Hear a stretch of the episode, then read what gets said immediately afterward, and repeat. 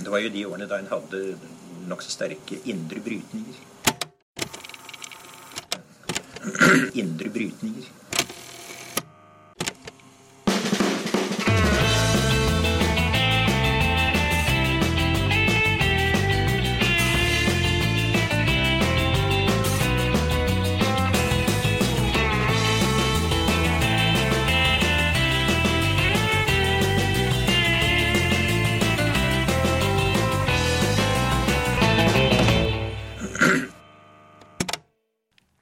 Og velkommen til denne ekstraepisoden av Noen har eh, snakket sammen. Jeg heter Aksel Fjellavli.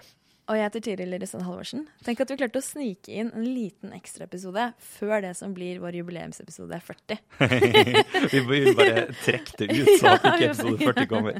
Ja, eh, I denne episoden så skal vi snakke svært lite. Eh, vi har fått hjelp av våre eh, gode venner i Arena, som på en måte er svenske Agenda, eh, til å, å oppsummere litt for oss hva som har skjedd i, i Sverige med regjeringsprosessen, der det nå ligger an til at det blir, eh, blir en ny eh, regjering. Så vi skal få høre med eh, Håkan Bengtsson og Jenny Lindahl fra eh, Arena-gruppen i Sverige. Ja, Sverige har ju fått en regering, eh, kan man säga. Inte riktigt än. Men vad är din eh, kommentar? Ah, det har tagit tid. Det är väl mer eller mindre fyra månader exakt nästan tror jag sedan valet. Eh, och det är unikt i svensk politisk historia, modern tid, vad jag kan erinra mig och vad jag har läst. Så att det är en väldigt speciell situation som Sverige har befunnit sig i efter, efter det senaste valet. I princip är det ju samma maktfördelning som vi hade efter valet 2014. Men den här gången så har ju de borgerliga partierna deklarerat att de inte skulle acceptera att Stefan Löfven eh, fick regera vidare. Även om de rödgröna blev större, vilket de blev. Och där, där ligger ju hela det nya politiska läget jämfört med vad de borgerliga partierna sa 2014 då de accepterade att det största blocket minus Sverigedemokraterna skulle få regera. Och det har ju försatt eh, svensk politik i ett, la, ett, i ett väldigt problematiskt läge. För samtidigt så har två partier, Liberalerna och Centern, deklarerat att de absolut inte vill att en borgerlig regering blir beroende på något sätt av Sverigedemokraterna, vilket de skulle bli om de fyra borgerliga partierna skulle regera. Och därigenom har ju då den här alliansen spruckit och vi har fått en regering. Men man kan ju tycka så här att det tog ju väldigt lång tid. Det tog fyra månader. Det här, hela det här som scenariot var ju klart för alla valdagen och i princip borde de, tycker jag, ha förberett sig för att kunna lösa det här tidigare. Å andra sidan får man säga att de eh, borgerliga partierna har ju gjort någonting som de under 15 års tid absolut inte kunde tänka sig. Det vill säga eh, inte samarbeta gemensamt utan tvärtom nu då stödja en rödgrön regering med Miljöpartiet och Socialdemokraterna. Hur ser eh, överenskommelsen ut? Det är väl en, en, en, eh, en eh, överenskommelse som i vissa frågor är progressiv när, det, när man jämför kulturpolitiken, när det gäller migrationspolitiken, när det gäller miljöpolitiken, eh, jämställdhetsmyndigheten blir kvar och sådana saker. Så man kan säga att kanske Miljöpartiet har fått mer betalt än vad Socialdemokraterna har fått eh, i någon mening. Eh, men i vissa andra delar så är det en, en, överenskommelse som innebär att Liberalerna och Centern har fått igenom väldigt mycket av sina krav. Inte alla, men väldigt många, väldigt många krav. Eh, som har en symbolisk betydelse för dem och som har en negativ symbolisk betydelse för Socialdemokraterna och Vänstern. Det handlar ju om exempelvis förslaget om att införa marknadshyror för nyproduktion i hyresrätten.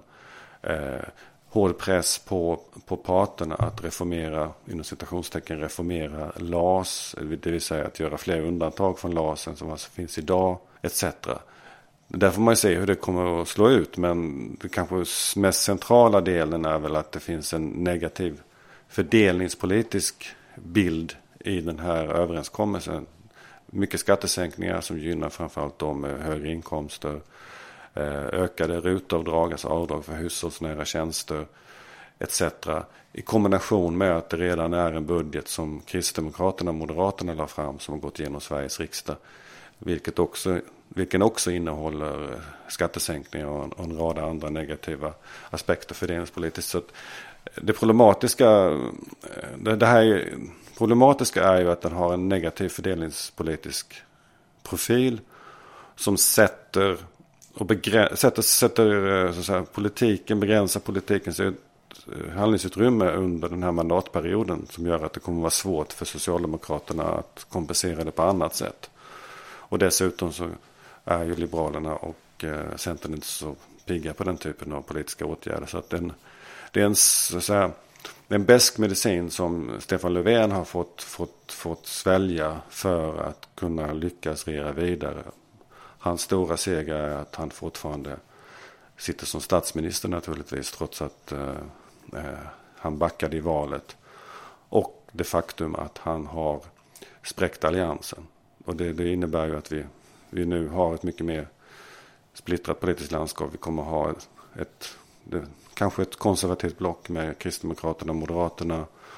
Och vi möjligtvis i närmare relation till Sverigedemokraterna framöver. Vi har då ett mittenblock, inom citationstecken mittenblock skulle jag vilja säga. För att de är mm. väldigt högerorienterade i många frågor. Och vi har då Socialdemokraterna och Miljöpartiet som sitter i regeringen. Och sen har vi Vänsterpartiet som står utanför. Så att eh, det, det, är en historisk, eh, historisk eh, vecka det här i svensk politik. Som, som förändrar det politiska landskapet på ett sätt som är svårt, svårt att förutsäga vilka konsekvenser det får på lite längre sikt. Men det enda vi vet är att vi har en regering på, på fredag.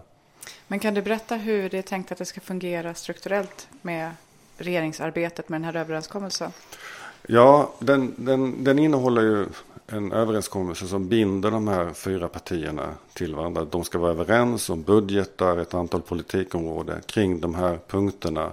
Det tror jag det är 73 olika punkter i den här utkastet till överenskommelsen. Det kommer ju naturligtvis att förhandlas och tvingas förhandla i detalj. Så det är ju bara ett arbetspapper på ett sätt. Men de, de kan väl inte gå igenom. Mycket av det här ju, har man bundit sig till.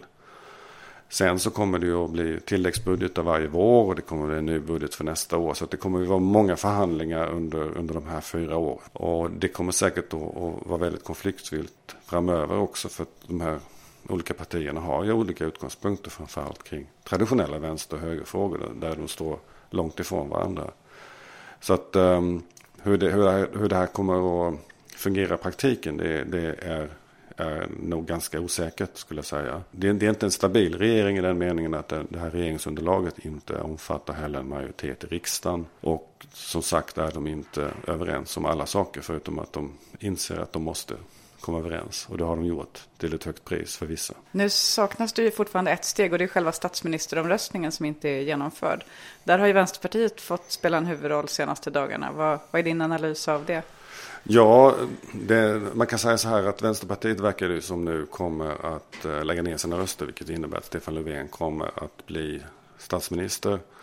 Eh, och hela överenskommelsen bygger ju på att Centern och Liberalerna absolut inte vill att Vänsterpartiet ska ha något inflytande. Man har till och med skrivit in det här explicit väldigt tydligt i den här överenskommelsen. Och jag tror att Socialdemokraterna och Miljöpartiet har räknat med att Vänsterpartiet ska lägga ner sina röster. Men eh, kanske inte riktigt förberedda på att den här formuleringen skulle leda till så stora reaktioner. Och det handlar ju också naturligtvis om den profil som den här överenskommelsen har som ligger väldigt långt från vad Vänsterpartiet vill. Eh, nu har det ju varit diskussioner mellan Stefan, Stefan Löfven och, och eh, Jonas Sjöstedt. Och, eh, de är kanske inte överens men de är i alla fall överens om att Vänsterpartiet ska lägga ner sina röster. För att alternativet är ju i så fall förmodligen en, en regering som, som kommer att luta väldigt, väldigt långt åt höger. Ehm, men det, det, det illustrerar det faktum att det här är en regering som har en överenskommelse som bara omfattar en minoritet av parlamentarikerna. Och därför var man ju i alla fall beroende av att Vänsterpartiet la ner sina röster. Så att det är en, ehm, det visar väl, illustrerar väl också hur eh, skakig svensk politik är just nu och det faktum att det inte riktigt har satt sig. Mm. De samarbetsformer som eventuellt kommer att överleva under den här mandatperioden. Men det får vi se. Det är absolut inte säkert skulle jag säga.